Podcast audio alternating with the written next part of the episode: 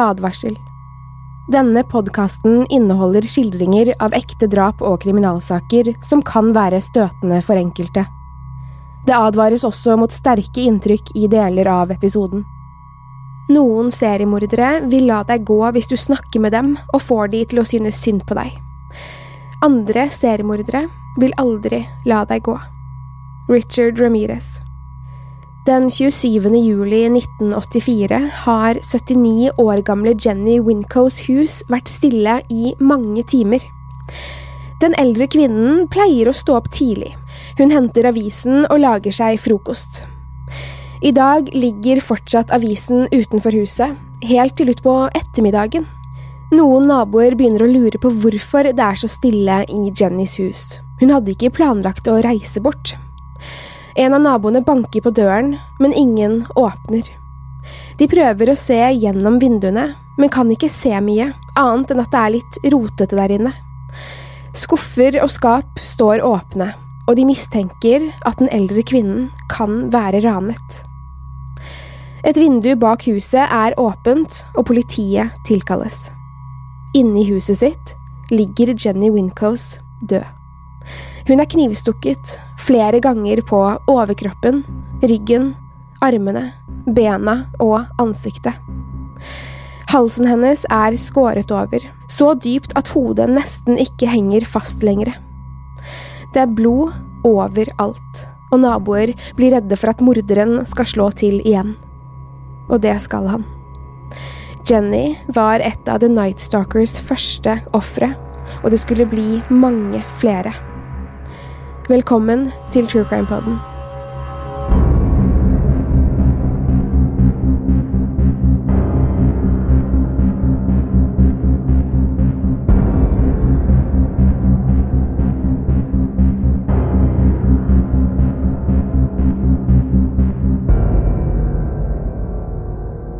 Richard Ramirez ble født den 29. februar 1960. Foreldrene hans var fra Mexico og møttes der og giftet seg i 1948. Faren hadde jobbet som ordensvakt og politi, og moren tok seg jobb på en fabrikk da de flyttet til USA, til El Paso, Texas. Richard var yngst av fem søsken og hadde en fin oppvekst i starten. Han hadde mange gode venner, var flink på skolen og populær. Som liten var han alltid blid og elsket å danse til musikk fra radioen. Da Richard var både to og fem år gammel, slo han hodet sitt kraftig, så hardt at han besvimte. Han begynte å få epilepsianfall etter hvert, og familien hans trodde de kom fordi han slo seg da han var liten. Richards mamma var en veldig religiøs dame. Katolisismen betydde mye for henne, og tok med seg barna i kirken flere ganger i uken. Barna likte å være der, alle sammen. Richard også, de sang høyt under alle salmene. Ettersom årene gikk og Richard ble større, begynte også epilepsianfallene hans å komme hyppigere. Alle barna i klassen visste hva de skulle gjøre hvis Richard fikk en sånn periode. De la han forsiktig på gulvet hvis han ikke allerede lå nede, og passet på at han ikke slo hodet sitt. Hjemme hadde situasjonen også forverret seg. Richards far, som for det meste hadde strøjobber i El Paso, hadde forandret seg. Han hadde alltid vært streng, men nå hadde han blitt voldelig. Ramires-barna var vant til å få ris hvis de hadde oppført seg dårlig, men nå fikk de bank. Faren slo dem ofte og mye. Han hadde endret personlighet og blitt sint. En gang var han så forbannet at han tok sinnet utover seg selv. Med en hammer i hånden slo han seg selv i hodet flere ganger til han begynte å blø. Det var kaotisk hjemme hos Ramires-familien. Moren jobbet på en fabrikk med dårlig ventilasjon og pustet inn avgasser hele dagen. Den nest yngste sønnen hennes kom til verden med en fødselsdefekt, men klarte seg greit. Han hadde store lærevansker og trengte tett oppfølging fra skolen for å klare å følge med i timene. Richard følte stor omsorg for broren sin og passet på han i friminuttene. Richard forsvarte broren om han ble mobbet. Det gikk ikke så bra på skolen for broren, og foreldrene syntes det hørtes lurt ut å få en lærer hjem som lettere kunne hjelpe han med leksene. Foreldrene jobbet ofte kveldsskift, og denne læreren var hjemme hos barna uten at foreldrene var der. Denne læreren var pedofil, og han forgrep seg på Richards bror. Richard var klar over det som skjedde. Det skjedde nemlig flere ganger. Richard har aldri selv innrømmet at han ble misbrukt, han nektet alltid å snakke om det, men både broren hans og flere psykiatere og andre behandlere har mistanker om at han ble det. Broren er faktisk helt sikker på at Richard ikke slapp unna den pedofile læreren. Det var mer som skjedde i disse årene, de tidlige tenårene, for Richard. Han så veldig opp til fetteren sin Miguel, som ikke var en bra person å omgås med. Noen sier at han var psykopat, men siden dette uttrykket sitter løst hos mange, vet jeg ikke om det stemmer eller ikke. Men Miguel, han var ikke snill. Han lærte Richard å røyke marihuana og sniffe lim som tolvåring. Miguel var eldre og hadde holdt på med narkotika i flere år. Miguel hadde også vært i militæret i Vietnamkrigen. Han viste Richard bilder han hadde tatt fra krigen, men ikke bilder av landskaper eller fly og kanskje noen våpen. Han viste bilder av ihjelskutte mennesker, mennesker som var sprengt i fillebiter, kvinner som var voldtatt og halshugget, og barn som lå døde på bakken. Miguel skrøt av at han hadde voldtatt og drept mange kvinner. Han hadde tatt dem med til skogen, voldtatt dem, og deretter skåret hodet av dem så hadde han tatt bilder for å huske øyeblikket. Miguel har en hel skoeske med slike bilder, og Richard synes det er spennende å se dem. Han synes krigen høres spennende ut, og tenker mye på bildene av de døde kvinnene. Han tenker på sex og død samtidig, og tror at det hører sammen. Som 13-åring blir Richard interessert i krim, mord og død. Han vil se lik og voldsomme scener. Han fikk ikke nok av bildene Miguel viste han. Men Richard skulle få nok, i alle fall for en liten stund. Miguel ville vise Richard hvordan man dreper. En dag, hjemme hos Miguel og kona, retter Miguel et håndvåpen mot konas hode og trekker av. Hun faller ned på gulvet, og Richard står og ser på det hele. Han forklarer senere, i voksen alder, at det var som om han så henne falle i sakte film mot bakken, med et stort hull i hodet som sprutet blod ut i luften. Han kom aldri til å glemme det synet. Selv om Richard var interessert i mord og vold, var dette en hendelse som preget han og forandret han. Han ble annerledes etter drapet. Venner, søsken, foreldre. Alle merket det. Miguel ble dømt for drapet og sendt til psykiatrisk forvaring, og Richard fortalte aldri noen at han var der da det skjedde. Han holdt det for seg selv. Richard begynner å stille spørsmål ved troen sin. Han tror ikke lenger på Gud, han tror ikke Gud kan hjelpe han. Men djevelen tror han på. Han leier bøker om satanisme i hemmelighet på biblioteket, og begynner å sove på kirkegården istedenfor hjemme i sin egen seng. Klassekameratene merker at han er bustete på håret og har jord og gress på klærne. Han er innesluttet og ikke så sosial som han pleide å være. Venner trekker seg unna han, og Richard dropper etter hvert ut av high school. Han skaffer seg jobb på et hotell og har dermed tilgang til universalnøkler. Nøkler han kan bruke til å låse seg inn på rommene til folk. Han begynner rolig i starten, gjemmer seg i skap og under sengen for å smugkikke på folk. Han liker særlig å se på nakne damer, og en gang et ektepar sjekker inn på hotellet, låser han seg inn på rommet deres når han vet at det bare er kvinnen der. Hun står i dusjen, og Richard bestemmer seg for å voldta henne. Han går inn på badet og overfaller kvinnen, som skriker høyt etter hjelp. Heldigvis er mannen hennes rett rundt hjørnet. Han har nettopp parkert bilen og er på vei til hotellrommet. Han oppdager hva som skjer, og banker opp Richard før han ringer etter hotellets sikkerhetsvakter. De tar med seg Richard, men siden ekteparet er så opprørte og flaue over det som skjedde, velger de å ikke anmelde voldtektsforsøket til politiet. Dermed lar de en fremtidig seriemorder gå fri, selv om de ikke hadde noen anelse om hvem han var, eller hva han kom til å bli. Etter å ha mistet jobben på hotellet, vil Richard Ramirez starte på nytt. Han vil vekk fra El Paso og flytter til Los Angeles. Han elsker byen og områdene rundt. Det er lett å kjøpe sex, for det er krydde av prostituerte der. Narkotika var også tilgjengelig, og Richard Ramirez' liv er i ferd med å bli destruktivt og farlig. Han bosetter seg på et velkjent hotell. I alle fall ett dere som lytter til True Crime-podden, har hørt om. Richard Ramirez flytter inn på hotell Cecil. Han leier rom der og blir boende en god stund.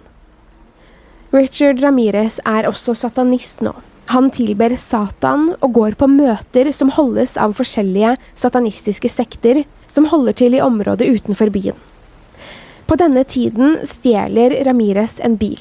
Han kjører rundt i den og blir tatt av politiet mens han sitter bak rattet. Politiet booker han, tar bilde og fingeravtrykk, men mappen hans åpnes ikke for etter lang tid, for lenge etter Richard Ramirez ble The Night Stalker. 17. mars 1985, Rosemead, Los Angeles County. Ni måneder etter drapet på 79 år gamle Jenny Wincoe er 22 år gamle Maria Hernandez på vei hjem. Hun kjører i bilen sin på motorveien og legger ikke merke til at noen følger etter bilen hennes. Maria parkerer i garasjen og trykker på knappen slik at den automatiske garasjedøren lukker seg. Det bråker, og Maria verken hører eller ser at en mann smetter inn gjennom den åpne garasjedøren og stiller seg bak henne. Hun reiser seg og skal til å låse bilen, da hun hører noen bak seg. Maria snur seg sakte og ser en mann med pistol rettet mot henne. Nei, vær så snill, sier hun og holder hendene foran seg. Mannen sier ingenting og skyter henne. Maria faller ned mot bakken og blir liggende der mens mannen tråkker over henne. Han går inn i huset.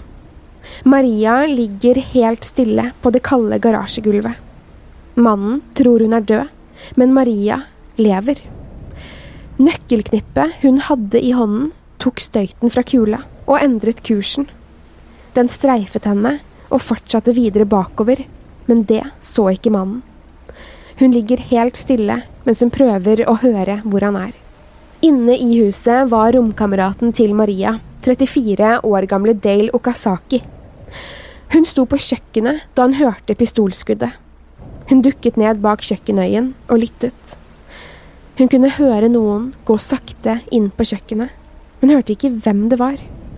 Stille reiste hun seg sakte opp for å se hvem som står på andre siden av kjøkkenøyen.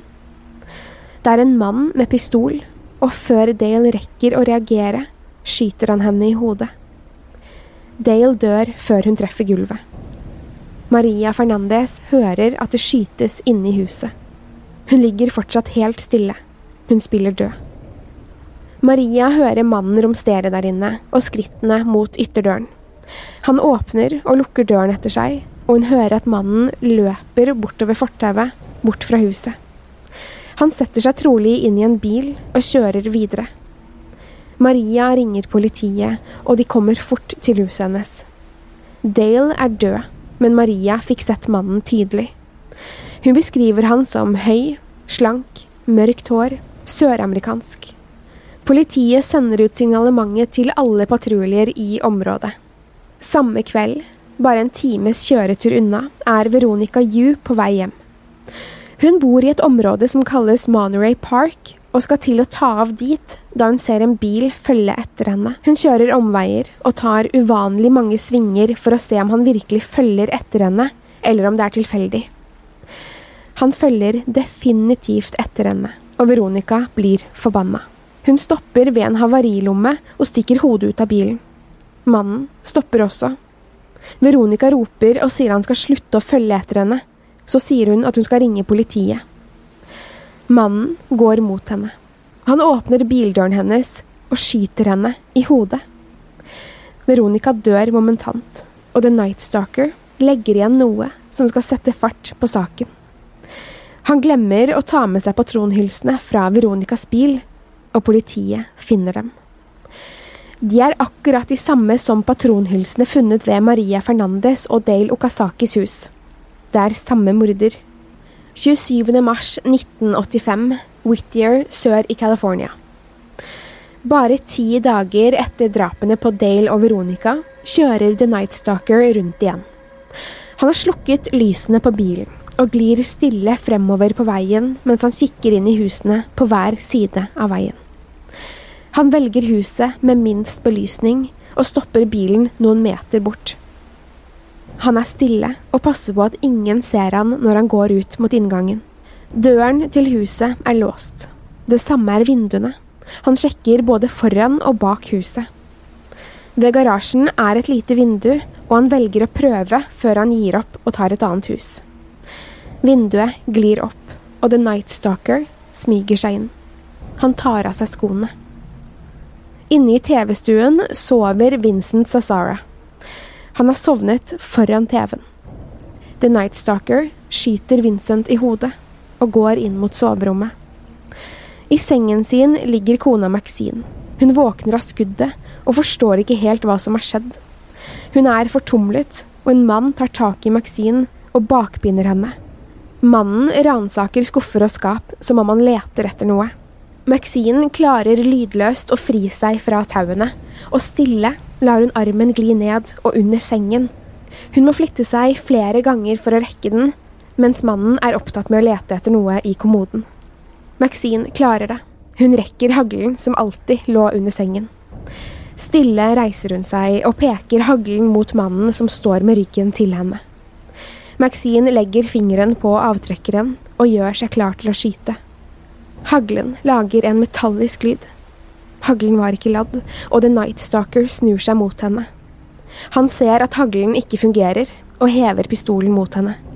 Han skyter Maxine i ansiktet flere ganger, og Maxine dør. Politiet kommer til stedet etter at naboer har ringt og sagt at de hørte skudd fra Cesara-huset. De saumfarer åstedet etter ledetråder, og i gjørmen langs huset finnes avtrykket av en ukjent sko. Skoen viser seg å være spesiell. Den er helt ny i USA, har bare vært i salg i få måneder, og det beste av alt, det er kun solgt ett par i Los Angeles County så langt. Men gleden er kortvarig, for ingen i butikken husker hvem de solgte skoene til, og siden skoene ble betalt kontant, kan ikke kjøperen spores. Politiet har fingeravtrykk fra åstedet der 79 år gamle Jenny ble drept, patronhylser fra Maria Hernandez og Veronica Jus åsted, og et skoavtrykk fra Cesara-huset. Selv om politiet mistenker at det kan være samme gjerningsperson, er åstedene langt fra hverandre, metodene litt forskjellige, og ofrene ikke samme type, og politidistriktene samarbeider ikke noe særlig i starten. The Night Stalker kan fortsette som han vil. Han tar seg inn hos et ektepar hvor han skyter mannen og voldtar hans handikappede kone. Hun overlever angrepet og gir en beskrivelse av han. Han bryter seg inn hos to søstre, de er eldre, og den ene av dem er handikappet. The Night Stalker slår dem, knivstikker dem og voldtar dem. Før han går, tegner han et pentagram på veggen over liket av den ene søsteren, og skjærer enda et pentagram på innsiden av den eldre kvinnens lår. Politiet får mye press etter dette. De har med en satanist å gjøre, det skumleste mange visste. Det gikk rykter om mørke ritualer, djeveldyrkelse og menneskeofringer, men i virkeligheten var The Night Stalker en ensom ulv. Han fortsetter å drepe, og etterlater seg 14 ofre. 14 menneskeliv han har tatt, og mange voldtektsofre, som selvfølgelig er livredde så lenge mannen fortsatt er på frifot. Men The Night Stalker gjør noen feil som skulle koste han dyrt. Etter å ha drept et ektepar snek han seg ut av huset. Han la ikke merke til at en ung gutt var ute og syklet sent på natten. Han forventet kanskje ikke å se noen. Gutten ser The Night Stalker, kjenner han igjen fra fantomtegningene og noterer seg bilnummeret. Politiet leter opp bilen The Night Stalker kjørte, og finner den dumpet i en grøft. Inne i bilen finnes ett fingeravtrykk som han har glemt å vaske bort. Fingeravtrykket sendes gjennom Los Angeles-politiets nye database for fingeravtrykk, og de får en match. Richard Ramirez, tidligere arrestert for biltyveri. Fingeravtrykket hans matcher også det som ble funnet på hans første åsted der 79 år gamle Jenny ble drept. Fingeravtrykkene hadde ikke vært digitalisert før nå, og dermed vanskelig å matche med andre i arkivet, hvor de hadde flere millioner fingeravtrykk. Men nå, nå hadde de han. Politisjefen holder pressekonferanse og sier vi vet hvem du er nå, og snart vil alle andre vite det også. Nå er det ingen steder du kan gjemme deg. Han holder opp et bilde av Richard Ramirez. På samme tid har Richard Ramirez tatt bussen til Arizona for å treffe broren sin. Han rekker aldri å møte broren, og setter seg på bussen tilbake til Los Angeles igjen. Han får med seg at bildet hans er på TV og i alle aviser, og prøver å holde en lav profil. I mellomtiden har politiet hørt at Ramires er på bussen, men ikke hvilket busstopp han kommer til å gå av på. Politiet overvåker hvert eneste Greyhound-busstopp i Los Angeles County, men ser ikke mannen, som går rolig forbi dem. Richard Ramirez later som ingenting og går forbi de to politibetjentene. Han tror han kommer seg unna, helt til en dame kjenner han igjen og roper Der er han!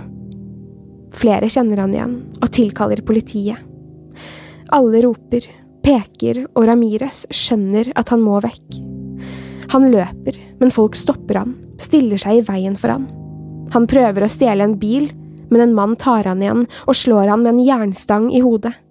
Folk sparker etter han, prøver å få tak i han, mens Ramires løper så fort han kan.